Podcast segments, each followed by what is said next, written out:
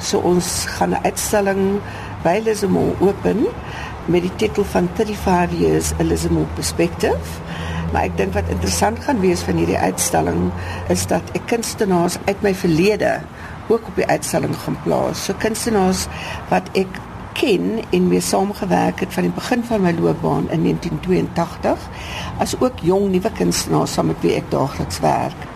En behalwe die uitstalling, het ek ook 'n privaat uitstalling oor werke uit my eie versameling wat genoem word A Room of Our Own. Vertel my 'n bietjie oor jou agtergrond en hoe jy in die bedryf beland het.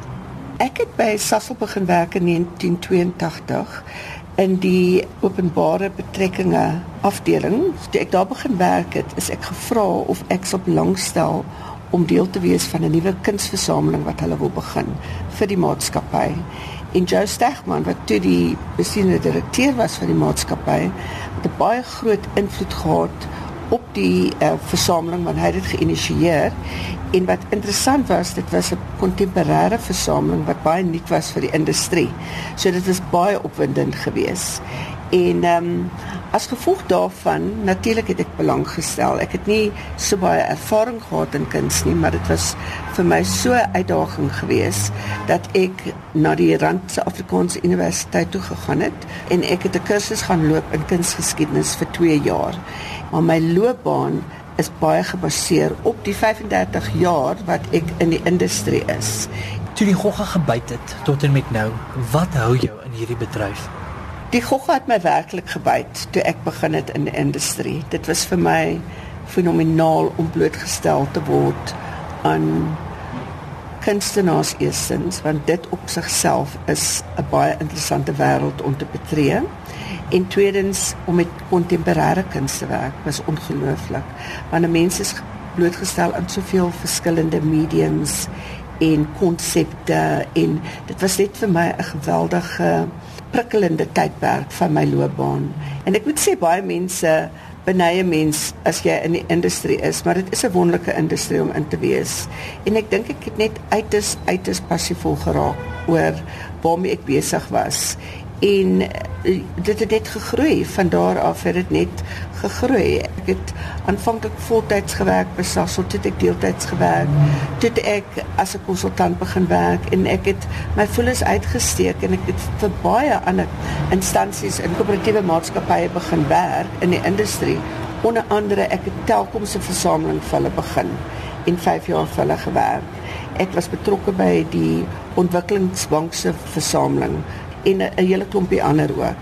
So ehm um, ja, wat kan ek sê? Dit was uh, vir my net 'n ongelooflike reis tot dusver. As kurator en as kunsliefhebber, hoe sou jy jou styl beskryf?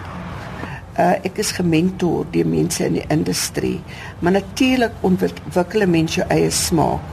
En my smaak is kontemporêr met 'n bietjie van 'n edge. Ek sal nie sê ek is so avant-garde nie. Ek dink ek is geneig om meer betrokke te bly by innoverende nuwe werk. Ek baie geïnteresseerd in jong kontemporêre kunstenaars, nie noodwendig ou meesters nie, omdat dit altyd um, interessant is en daar kom altyd iets nuuts op die mark. So daar's altyd iets nuuts om oor opgewonde te raak. En ek dink dis waar my smaak ook gesetel is. En as jy kyk na my eie versameling op die uitstalling, sal jy my persoonlikheid heel waarskynlik kan identifiseer deur die werke wat op die uitstalling is.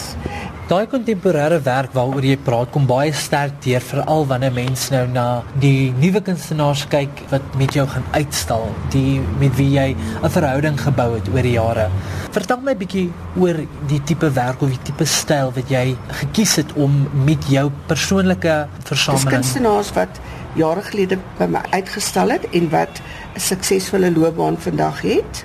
As ook die jonge kunstenaars, is die kunstenaars wat ek mee saamwerk en wat deel is amper van my stable of artists. So dis nie 'n geval van hulle maak net mooi prentjies nie. Hulle het gewoonlik 'n konsep waarmee hulle werk oor 'n tydperk en hulle druk daai konsep verder en verder en hulle probeer 'n boodskap oordra. So het sy daai boodskap deur die inhoud van die die kunswerk of die materiaal wat gebruik word. So As ons praat van die verskillende kunstenaars op hierdie uitstalling, daar's kunstenaars wat byvoorbeeld met kantwerk, met sywerk, met oliewerk, wat met gemengde media werk, met perspex werk. Daar is 'n wye verskeidenheid mediums wat gebruik word in hierdie kuns.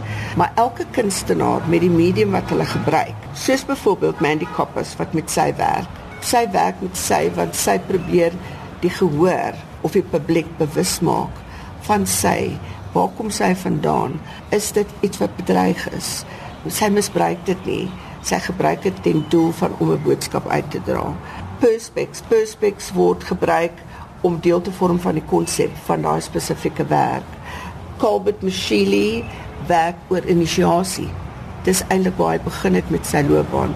Gaan oor inisiasie van jong seuns hoe hy dit ook verder gedruk het maar aan die einde van die dag kom jy altyd terug na waar ek kunstenaar begin het.